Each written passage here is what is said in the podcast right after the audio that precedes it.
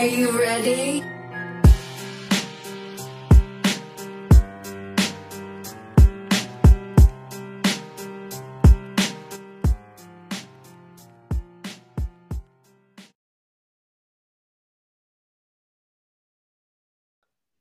Halo, selamat malam. Balik lagi Halo. di podcast ngomongin setan dan konten YouTube ini eh, kolaborasi bersama teman-teman dari Hey Halo Production Yoi. yang dipandu oleh Dimzi Ya, selamat di malam. acara bukan ngomongin setan. Bukan ngomongin setan. Karena kalau ngomongin setan itu di Ada- podcast. Aduh, ada Amor, Apri Tumor, Waduh, Dimas aduh. Yudhistira. Gimana? Nah, Pri, berarti membahas apa hari ini? Abis video-video yang ini apa? Abis video yang kemarin viral itu gimana lu? Exposure yang lu dapet. Eh, ada beberapa yang agak panik sih teman-teman gua. Ada beberapa yang panik sih jujur. Jadi mikirnya kondisinya separah itu. Padahal kan ya memang parah. Cuma kan guanya nggak, gue yang nggak gimana-gimana banget gitu. Guanya santai. Cuma teman-teman banyak yang ikutan bingung. Ya wajar sih. Ikutan bingung dan ya udah mereka pengen apa yang bisa mereka bantu gitu cuma ya udah gue mas slow aja santai teman-teman gak usah gak usah panik toh sekarang rambut gue juga udah gondrong lagi kan tuh foto anjing. Gak usah, jangan kenapa lu kasih foto dong. Gak, gak usah gitu dong. udah udah gondrong lagi sekarang rambut gue Sebenarnya pesan dari video yang kemarin dibuat kan mungkin biar biar nggak stres kan walaupun kondisi apa pun Iya. gitu maksudnya. kelihatan gak barusan Kelihatan, Kelihatan, kelihatan. Masih ada ja- masih ada gunting dokter itu, Pri? Kelihatan aja. Nancep. Nancep anjing. ya gitu ya udah nikmatin tapi- aja Tapi emang anjing ya, komen YouTube tetep aja dikit anjir. Nggak, nggak ada gue gue gue tadi ngecek berharapnya kayak semangat sampai 4000 gitu.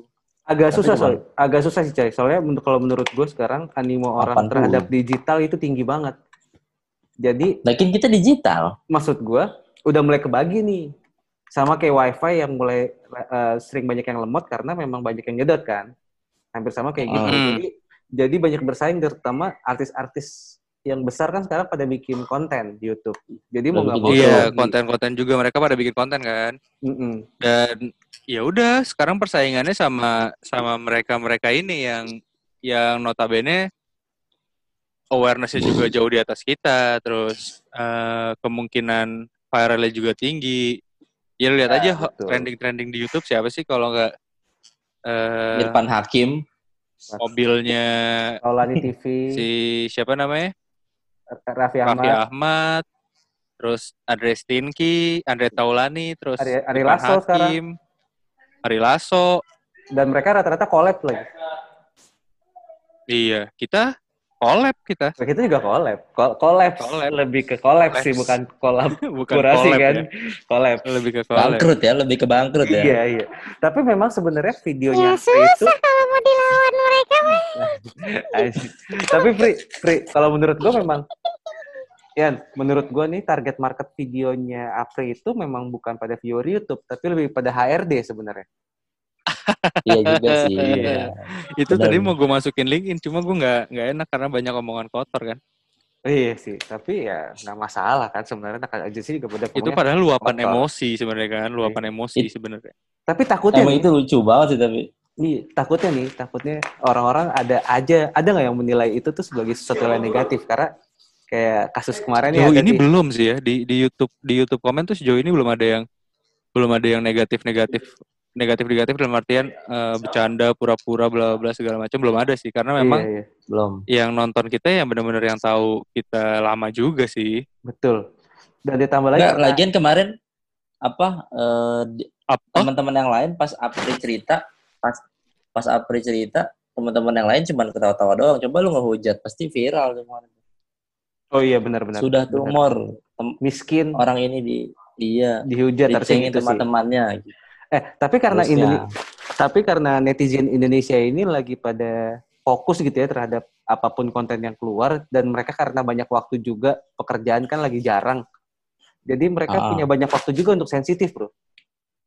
Pekerjaan lagi nggak ada kalau kalau Iya. gua Bukan, nggak usah bukan. nggak usah pakai jarang. Ma- maksud gue, maksud gue bukan di lu, tapi netizen ya, netizen gitu. Kayak ada ada misalkan bukan bukan lebih sensitif din karena penghasilannya nggak ada orang kan kalau dompetnya kosong suka marah-marah tuh Eh, iya benar sih, benar. Dan- iya daya belinya Ya. lagi pada kurang Daya belinya juga bukan kurang, hampir udah nggak ada, coy. Makanya kantor gue yang lama itu rada ngap-ngapan karena kebanyakan klien UMKM kita tuh ambruk. Iya. Tapi sebagian sih, rata-rata ranah pengusaha memang yang pada kena. Kalau menurut gue ya, Iya. karena banyak masih banyak orang yang daya belinya masih tinggi juga, terutama mau kayak yang hari ini viral atau yang lu baca nih kayak Roxy di Lambe Tura kan tuh juga rame kan? Rox siapa nih Hmm, Roxy, Roxy, Mall Roxy Roxy, yang di Roxy Mall. Magelang apa di mana sih itu? Terus Ba- eh, Banyumas, Banyumas ya. Banyumas, Itu sampai sampai bupatinya yang turun tangan buat ngebubarin, gokil. iya. anjir Bupat- tapi bupatinya ngebubarin nggak usah ini udah tutup udah tutup gitu. Iya. itu di Tangsel eh, karaoke sama pijet buka tuh Matador Oh iya iya iya iya. Iya. Di, di bulan puasa. Itu viral tuh. Iya. Iya, Ini kita, kita bukan ngomongin social distancing ya, tapi ini juga udah bulan puasa, itu udah melanggar dua norma tuh di situ tuh. Iya dua. Kata- eh, tapi Nah. eh, se- setahu setahu gua eh, emang ada beberapa tempat tempat-tempat kayak gitu yang nggak yang nggak tutup sih. Memang dari dulu ya dari dulu. kalau Pas iya banyak banyak Ramadan tuh masih banyak yang nggak tutup juga. Hmm. Iya betul betul. Ya mudah mudah-mudahan memang karena eh, kurangnya laporan ke situ ya, karena orang yang ke situ kan nggak mau jarang banget laporan kecuali ke teman-temannya gitu. Mungkin temennya ada yang cepu kan. Bisa jadi, Hmm. bisa jadi. Ya nggak bakal ada yang lapor juga lah kalau kalau kondisinya kondisinya asal sama-sama tahu ya kan. Iya biasanya Hmm. grup WhatsApp sangean Ada yang boys. Anjing. Ada yang sewa satu room gede lagi di lagi masa pandemi kayak gini bener-bener ya. Jiwa sosialnya keren banget sih. Bisa nyewa 4 atau 3 LC gitu gila Iya, banget sih. mungkin niatnya menafkahi mereka kan, tapi dengan cara orang-orang yang bersenang-senang. kayak gitu sih. Gak jauh Iya. beda sih sama orang-orang yang jadi? bikin bikin YouTube konten, tapi tujuannya untuk bersenang-senang, mungkin kayak gitu. Tapi ngerjain orang kayak gitu kan bisa. Cuma Iya ini juga sih. bedanya dia beramal dengan cara senang-senang kan. Iya sih Eh, gitu. sebenarnya Gak mungkin Kan dong, tapi di Mas? LC social distancing kita Ada- jadi ngebahas gini sih. ya nih. enggak sih? malah kayak lu lu udah, udah dengerin dulu sih ini buat teman-teman yang mungkin nggak nggak nggak terlalu keliling podcast ya ada ada podcastnya stand up Indo tuh lucu banget judulnya Bu Respang lu tau nggak Enggak, gua nggak belum dengar gua. Itu si ini ya, si Kang Dika sama Kang Dika Boris. juga. Ah iya benar. wah itu lucu banget loh relate banget gue pas pas dengerin anjir berani ya mereka bikin podcast ini. Bu Respang judulnya bu, judulnya aja udah Bu Respang bubaran restoran Jepang. Lu tahu kan bubaran restoran Hmm, Jepang Tahu tahu yang di blok yang di Iya. blok M kan? iya Bu Blok apa yang Respang di Nah, semua semuanya sebutannya Bu Respang terapis pulang pulang dari kerja ya sebutnya Bu Respang lucu banget itu gila relate banget. Kalau yang yang pernah ngerasain brengsek tuh relate banget itu. Iya, iya. podcast sumpah nggak tayang-tayang lagi karena mungkin mereka tidak berani ngetek saat di rumah. Udah susah berkeluarga semua kan? iya ber- udah berkeluarga semua. Lucu banget itu podcast sumpah. Nah kita bakal ngebahas apa nih hari ini? Katanya tadi si Septian sempat bilang ada ada yang nge-share cerita di DM nge-share cerita apa tuh kalau boleh tahu Betul, gue jadi gue lalu bentar bentar ya gue Bentar. gue buka Septian kalau lagi doang. berak Kalau lagi lagi- Enggak dong, enggak dong. Kenapa sumpah sumpah gue mau berak nih kenapa jadi lu yang mau berak dong? Enggak usah. Dan Oke. boleh Jadi jadi ada yang DM ke gue apa tuh dari SM Dava namanya. oke Nama eh, IG-nya pergi dot ke selatan. Jadi dia ngirim cerita. Oh dia nggak ketemu sama rombongan Keras ini berarti ya Arctic Monkey ya? Iya, iya. Enggak, karena Arctic Monkey ngalor, lebih ke ngalor dia. Iya, dia nggak ketemu tuh. Enggak ke Nggak ketemu selatan. sama dia. geng Arctic Monkey. Jadi dia mengirimkan cerita pengalaman dia waktu kecil. Katanya waktu dulu umur 6 tahun, Belajar dia pernah sepeda, ditam... Hmm. Enggak. bukan? Karena dia 6 tahun langsung belajar tong setan. muter muter muter dalam tong. Dulu waktu umur 6 tahun ditampakin tangan gede, hitam berbulu, kukunya panjang. Dan gue Oke. lihatnya pun pas siang hari. Padahal cuma sebatas tangan doang, tapi pas tapi yang gue bingung kenapa ingatan itu masih kebayang sampai sekarang. Awalnya keluarga gue awalnya keluarga gue nggak ada yang percaya. Meskipun pas gue lihat itu gue nangis sampai nggak bisa ngomong beberapa menit. Tapi akhirnya kakak gue percaya setelah beberapa tahun kemudian, begitu tetangga gue cerita, kalau tetangga gue pernah tidur, terus ad- ngerasa ada yang meluk dari belakang. Dia ngerasa geli karena ada bulu-bulu yang nempel di lengannya. Pas Wadaw. dia dan dia ngerasa sedikit panas di belakang badannya. Kemungkinan besar apa yang dirasain tetangga gue itu apa yang gue lihat katanya. Karena gue dengar Nah, tapi kita bisa lu- mastiin dulu nggak nih? Tetangganya nggak lagi nggak istirahat di belakang kulkas, bisa kita pastiin dulu itu. enggak dong. Kan agak ada, anget ada, dong. Bagian nggak belakang ada, pasti ada anget dong. Nggak ada. Nggak ada orang Dulu gua istirahat kalau- Kalau buru-buru kalau buru-buru ngeringin celana jeans di situ tuh. Apa keringin cuci duit basah dong kulkas. lu tempel-tempelin. duit basah. sama di kipas Kalau AC sih kalau gua. kering. Kalau gua di kipas AC. Cuma Kebetulan jadi kipas- kotor kalau kipas AC. Enggak, kebetulan kipas AC gue nempel di belakang kulkas. Wah, Kebiasa kebiasaan keluarga ekonomi menengah gitu. Iya, iya. Keringin duit anjing. terus terus terus. Nah, terus katanya jadi dia pernah dengar podcast kita, Pri. Katanya gendro itu kan keseringan adanya di tanah kosong atau kebun gitu kan. Heeh. Buat ada yang buat ngejagain atau ada yang emang tinggal di situ. Mm. Nah, pas banget di depan rumah dia itu ada kebun yang luas dan dipagerin katanya. Dipagerin beneran, maksudnya bukan dipagerin. Mm. Nah, terus dia nanya nih, apakah makhluk itu masih ada buat ngejagain kebun? At- terus pertanyaan keduanya, apa dia bisa mati atau pindah ke tempat lain, Bang?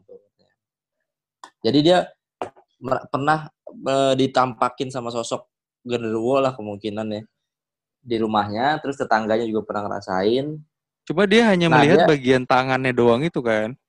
tangannya doang tapi dia. Terus dia ngirimin foto cuman kehapus, ngirimin foto kebunnya gitu. Cuman udah kehapus, gua nggak sempet lihat. Oh dari dia hapus. Hmm, Tapi eh, tapi menarik juga karena ceritanya dia ngeliatnya siang-siang, coy. Jarang banget orang lihat hantu-hantuan Gue Eh, pernah, gue gitu. pernah, gue pernah ngeliat siang. Oh, lu pernah gitu siang? Ta- tapi lebih ke lebih ke bayangan sih, maksudnya di balik korden. Korden kan kalau misalkan di de- di luar kamar berarti Mm-mm. kele- kelewatan tuh, Terang. kelihatan tuh kalau orang lewat. Hmm. Nah itu tuh ada ada orang bongkok lewat tuh nenek-nenek kayak nenek-nenek lewat gitu. Tapi sebelah sini tuh tembok, jadi dia lewat nih. Udah lewat tembok kayak kayak nggak ada Nembus ke apa-apa, tembus temboknya kan. tembok aja Maksudnya gitu. jalannya jalannya jalannya dia tuh melalui tembok tersebut. Jadi Iya. harusnya tuh nggak mungkin gitu kan. Iya, dan itu di taman belakang rumah gua, jadi nggak mungkin ada yang ke situ.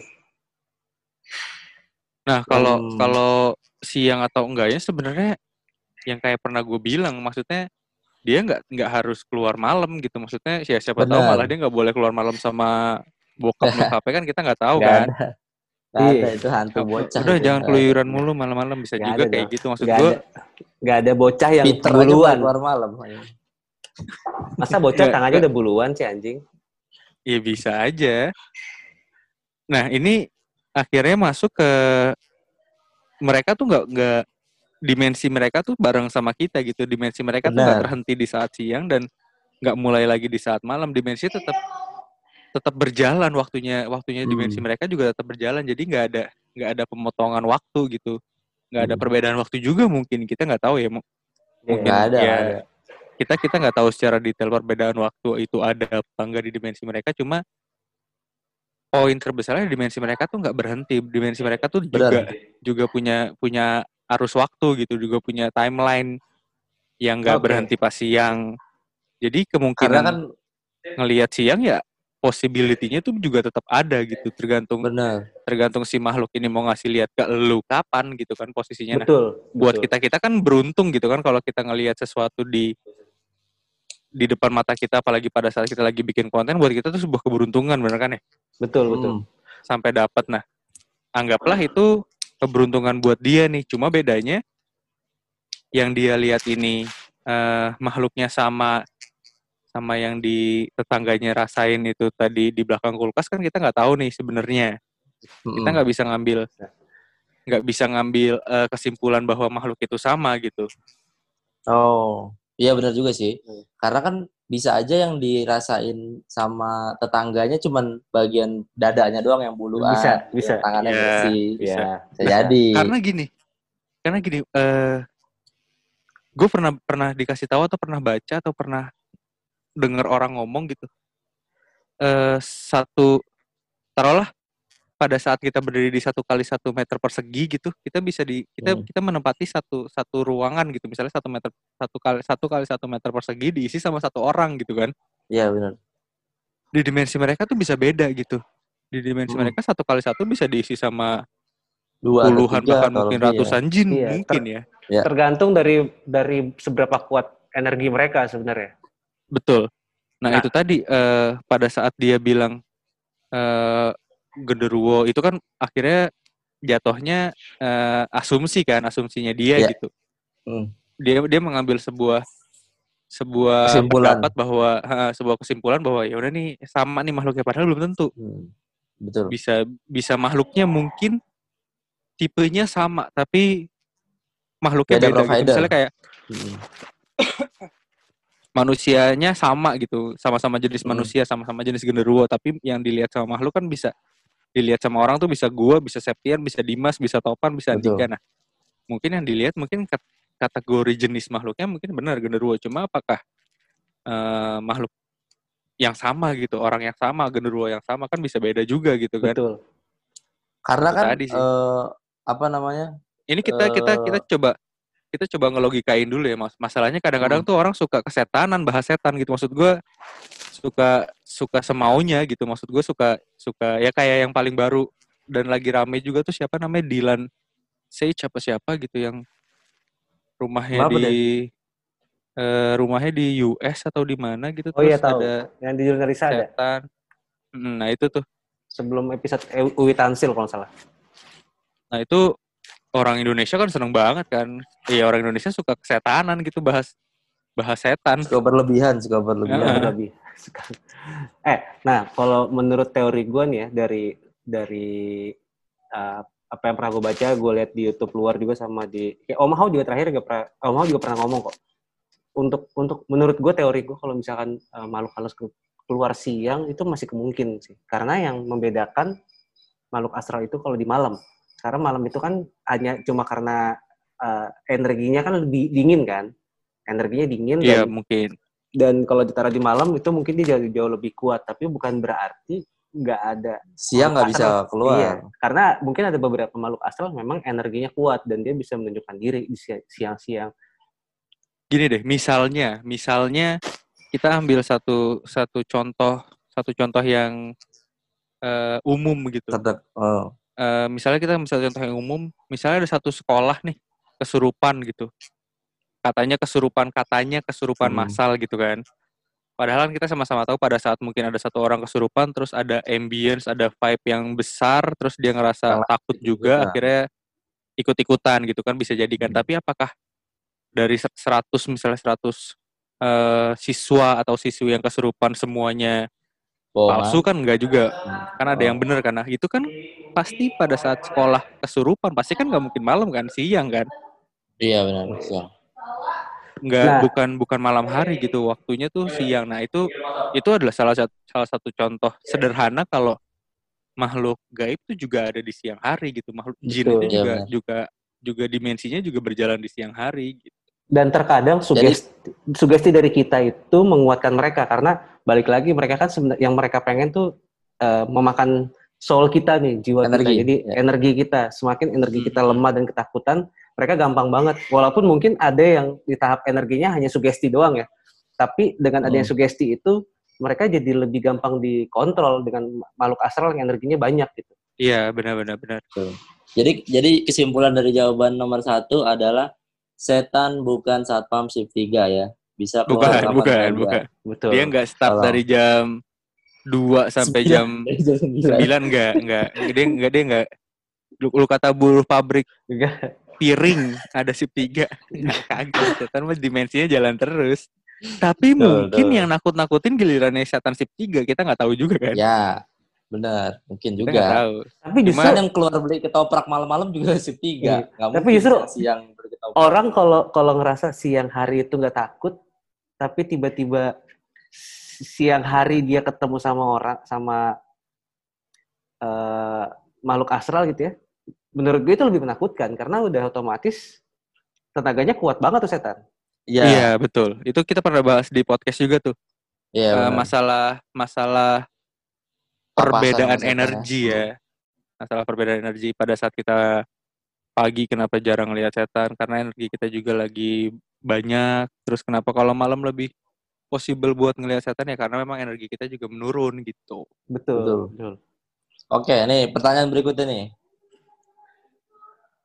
Apa apa dia bisa pindah atau mati si makhluk itu? Karena kan dia kecurigaan dia adalah itu adalah makhluk yang berasal dari kebun di dekat rumahnya. Iya, Ya kan? eh, oke lah kita kita anggap kecurigaannya Mungkin benar ya anggaplah pertama. Iya, anggaplah anggaplah Anggap anggap ada pertama kita di anggap situ gitu ya. eh, kita anggap kecurigaannya dia dia benar soal soal makhluk Hmm. dan eh, makhluk itu ada di kebun. Kita kita Betul. kita eh, validasi dulu kalau itu kita sepakatin nih kita sepakat kalau. Di anggaplah kebun itu makhluk sesuatu itu gitu, misalnya. di kebun Ah, dan tinggalnya di kebun apakah bisa pindah bisa kemungkinan pindahnya tuh bisa cuma eh pernah gue pernah pernah ngebahas juga kalau pada saat lu mindahin makhluk yang mendiami tempat tertentu gitu dalam waktu yang lama lebih lama dari kita sendiri kemungkinan dia balik laginya gede karena dia Hmm. Iya, merasa gue diusir dari rumah gue gitu tempat. kita ngambil logikanya gitu aja ya Iya, iya. terus iya. apakah dia bisa dibunuh eh bisa karena memang eh, pada dasarnya menurut gua ya menurut gua eh, si Marto zaman dulu tuh juga pernah ngebunuh-bunuhin. Cuma kita nggak tahu Ya. nih apakah apakah mati dalam artian nggak akan bangkit lagi di saat itu atau enggak karena kita nggak tahu. Kita sendiri kita beramai-ramai ini bertiga nggak tahu. Nggak mendalami eh, ibaratnya metabolisme Tap- dan Tapi proses Pri, hidupnya si Jin juga tapi gua, yang gue dengar adalah jin itu ketika dibunuh itu bukan mati hilang tapi dia dilebur lagi katanya jadi partikel-partikel kecil gitu yang yang dia butuh waktu lagi untuk kumpulin tenaga buat jadi sosok yang besar Iya, misalkan oke. Nah, wujud bisa gitu. jadi seperti itu. katanya Nah. gitu katanya gitu Hmm, Bisa jadi seperti Oh. itu. Karena pada dasarnya kita kita benar-benar kita kita nggak mau nggak mau eh ibaratnya kita nggak membenarkan gitu bahwa sesumbar sesumbar eh, kita nggak mau membenarkan bahwa jin itu nggak mati, jin itu mati. Yang kita Oh. tahu ya, ini pendapat kita yang kita tahu kondisinya seperti itu gitu.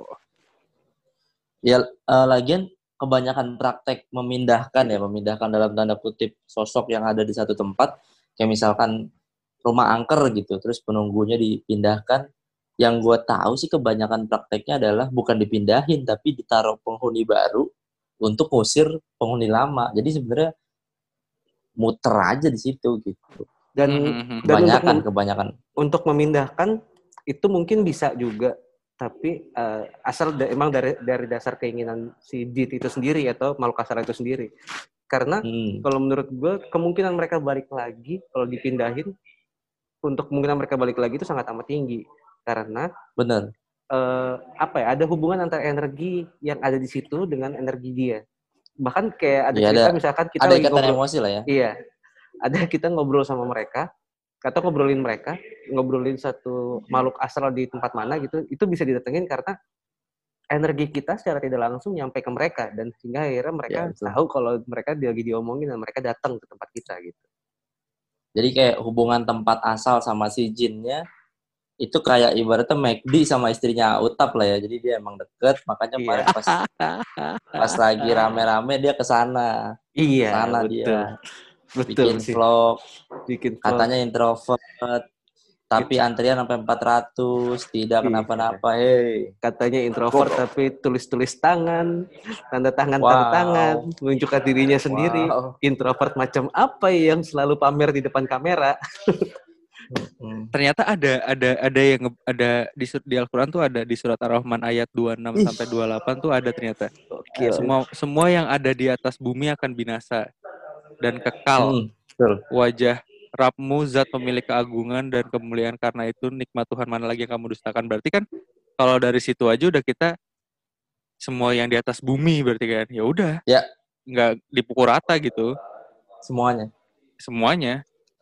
Dan eh, di ada ada ayat juga di surat Al- Al-Kahfi kalau nggak salah. Ya Tuhanku Hmm. berilah aku waktu sampai hari manusia dibangkitkan. Nah itu kan berarti kan dia minta waktu dan pernah ada cerita soal eh Khalid Khalid bin Walid dia diperintahkan Hmm. untuk eh, menghancurkan Uzza pohon keramat yang disembah mah orang musyrik jahiliyah. Terus dia eh, na- nah banyak orang di bukit terus manggil-manggil wahai Uzza wahai Uzza terus si Khalid ini eh, membunuh membunuh eh, Jin. menusukkan menusukkan pedangnya sampai dia Hmm. menusukkan pedangnya sampai dia mati ke eh, wanita wanita yang dia dia lihat wanita yang rambutnya panjang terjuntai di atas kepalanya ada pasir nah itu kan berarti secara secara nggak langsung eh, dia ngebunuh jin kan kurang lebih kayak gitu Ya. dan ada juga Antara jin antara jin Ada apa juga- istri tukang tuh, palanya ada pasir.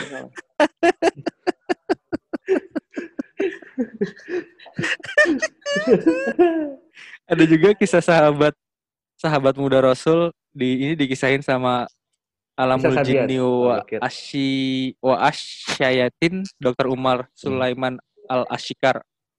Pernah ada sahabat muda Rasulullah yang pernah membunuh ular jadi-jadian yang ada di rumahnya sebagaimana Iya, betul. diriwayatkan dalam hadis riwayat Muslim. Nah, di situ berarti eh, jin bisa mati, cuma kita nggak tahu nih jin mati itu kayak gimana apakah Ya. eh, Hilang, menunggu apakah dibangkitkan hilang ataukah ya. dia bisa bisa meregenerasi badannya langsung di saat itu nah kita kita Hmm. kita nggak kita nggak mau sesumbar soal itu soal itu ya Betul. Nah, gitu jadi eh itu tadi pertanyaan dari si Dava soal genderuwo. Nah, bisa aja ya tangan yang dia lihat adalah tangan dari sosok di luar rumahnya, misalkan kayak tangannya di rumah dia, Hmm, hmm, badannya hmm. di Tasikmalaya gitu atau di Mm-mm, bisa juga Atambua gitu kan bisa juga. kejauhan dong nah kita kita kita tadi kan udah udah eh ibaratnya kita yaudah nih kita sama-sama sepakat kalau Ya, ada betul. genderuwo di kebun Jadi memang betul. kita kita nggak menyepakati bahwa jumlahnya berapa ada berapa sebesar apa kita sepakati bahwa ya Ada udah di situ lah. ya. eh, ada ada makhluk itu di situ dan eh, Mm-mm.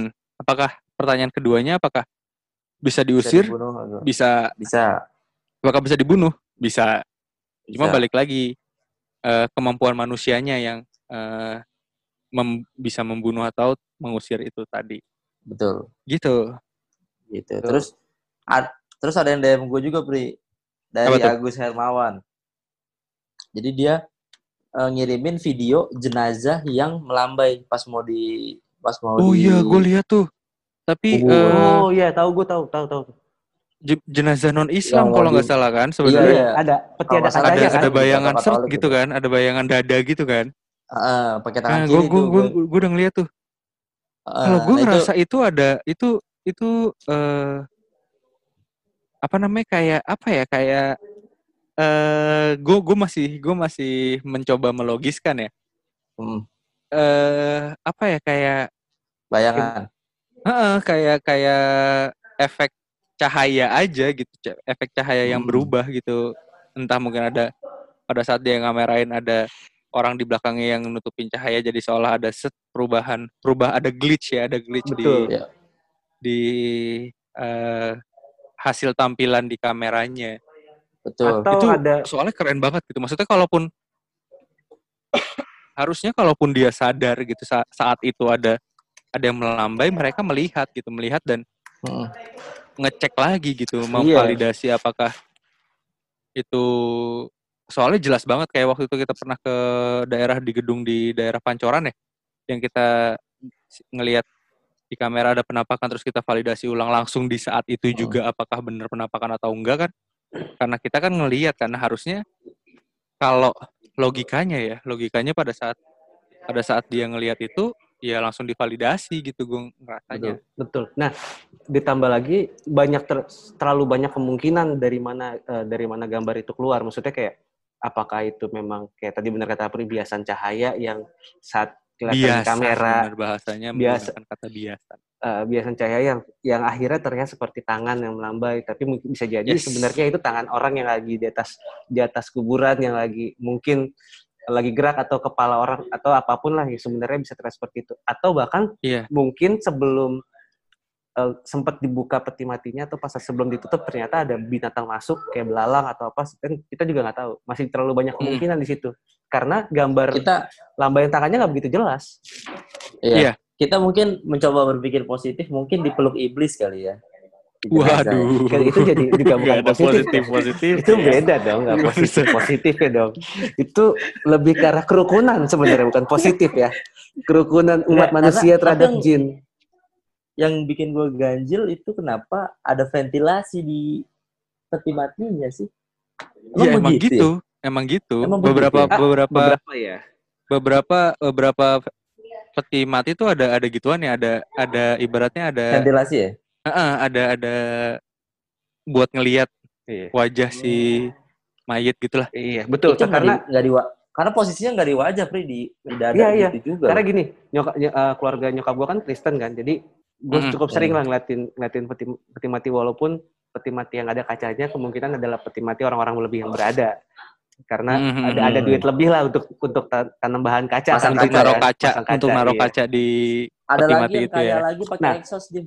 Iya, lagi pakai- exhaust, Dim. Iya, sama lapangan Ah. di dalamnya. Terus, futsal. nah, iya. Nah, kenapa dikasih kaca itu kan karena saat ditutup ada ada saat di mana keluarga masih pengen ngeliat, tapi kalau ditutup dibuka lagi kan udah nggak boleh. Iya. Iya, iya makanya betul betul. makanya ada istilah mereka kalau mau nutup eh, itu nunggu keluarga keluarga semua pada datang baru ditutup Datang semua. Oh. gitu. Nah, kalau ada keluarga dia yang belum melihat dikasih kaca Oh. gitu. Kan bisa ngelihat dari foto kalau sekarang ya. Bisa difotoin dulu terus Iya. dibagi-bagi kan, disebarkan handphonenya. Karena apa kalau misalkan peti itu udah ditutup kan dia dipaku ya. Jadi nggak bisa Ada beberapa yang Iya, nggak iya. dipaku, ada ada yang dikunci doang. Iya, itu kuncinya Pakai kunci kencang, kayak Iya, kunci Pakai- dikunci dari dalam terus eh, kuncinya ditaruh di di dalam kan di dalam petinya. Kalau mayitnya mau keluar ya tinggal dia buka dari kunci situ aja. nggak usah dah. Jangan. Siapa tahu dong. Ini ada yang menarik juga nih. Kita nyambung eh, nyambung soal eh, bahasan-bahasan soal ini nih yang tadi si siapa Dava ya siapa? Dava betul. Dava. Jadi gue gue belum lama ngelihat eh ini kita kan udah mau habis nih. Nanti kita kita lanjut dan sambil sambil Dimas bikin yang baru, lu search di di Google Ah. glitch in the matrix. Ah. glitch in the matrix. Jadi eh lagi rame, udah udah lumayan lama sih. Jadi mereka nyebutnya glitch in the matrix. Ah. Orang-orang luar tuh nyebutnya glitch in the matrix. Jadi kejadian supranatural yang nggak bisa dijelasin sama eh, kata-kata. Oke. Maksudnya nggak bisa dijelasin sama logika. Mm. Ada beberapa ada beberapa cerita glitch in the matrix yang gue gue baca puluhan mungkin hampir-hampir 100 gue baca Eh, ada beberapa yang yang menarik ada ada satu cerita gini jadi anggaplah kita kita pakai nama aja ya Eh, gua sama Dimas baru pulang party misalnya Ya. gue sama Dimas baru pulang party kondisinya eh, agak high nih agak naik agak mabok Mm. kondisinya agak mabok. Terus Dimas bilang ke gua, kok di dalam hati gua ada dorongan buat ngomong kaki gua sakit ke strangers. Padahal kakinya Oke. Dimas nggak sakit ya. Jadi Dimas Ah, ngomong sama gua, Pri, gue pengen banget ngomong sama orang yang gak gue kenal, terus kasih tahu kalau Hmm. kaki gue sakit. gue tanya dong kaki Iya. lu emang sakit enggak cuman nih gue ngerasain ada dorongan itu Oh. nah terus Dimas seketemunya nih jalan di Kemang misalnya jalan di Kemang terus dia ngerasa gue pengen ngomong ngasih tahu orang ini ya kalau kaki gue sakit gitu Hmm. dikasih tahu lah si Budi misalnya Mas maaf nih mas tapi saya pengen ngasih tahu mas entah kenapa ada dorongan banget nih di hati saya pengen ngomong sama mas kalau kaki saya sakit Ah. si Budi tiba-tiba nangis nangis parah gitu nangis nangis kayak orang wah nangis lah pokoknya Ah. Kakinya Dimas keinjak. panik dong Dimas enggak dong Enggak. Dimas panik dong ditanya sama Dimas kenapa Kakinya? mas Nanya Enggak. kaki. Dimas nanya Dimas kenapa nih mas kok senangis ini saya saya minta maaf kalau saya salah Dimas bilang gitu Itu kaki saya Enggak, di kaki Mas. kamu gitu. Ya. waduh Terus terus terus. Nah, menariknya adalah, menariknya adalah Budi Budi ngomong sama Dimas. Eh bokap gue meninggal tiga tahun lalu. Dan gue pernah bikin perjanjian sama bokap siapa pun yang meninggal duluan buat ngebuktiin adanya afterlife, hidup setelah mati. Kita bakal nemuin salah satu dari kita yang masih hidup dan ngasih tahu kalau kaki kita sakit. Oh. Keren juga ya. Keren sih. glitch in the matrix. Nah itu, Itu jadi tuh- secara nggak langsung si Budi tuh ngerasa langsung anjing bokap gue ngasih tahu lu nih. Dan iya, akhirnya lu ketemu sama gue. Itu itu itu glitchnya, itu glitchnya. Hal Oke. supranatural yang nggak bisa dijelasin. Nah itu banyak banget cerita kayak gitu di di luar sana ya. Dan yang Gua- cerita nggak cuma satu dua orang. Ya, stop Lu dulu ya. baca tadi Stop dulu, coy. ya? Stop dulu, coy. Stop Ya, dulu, ya, coy.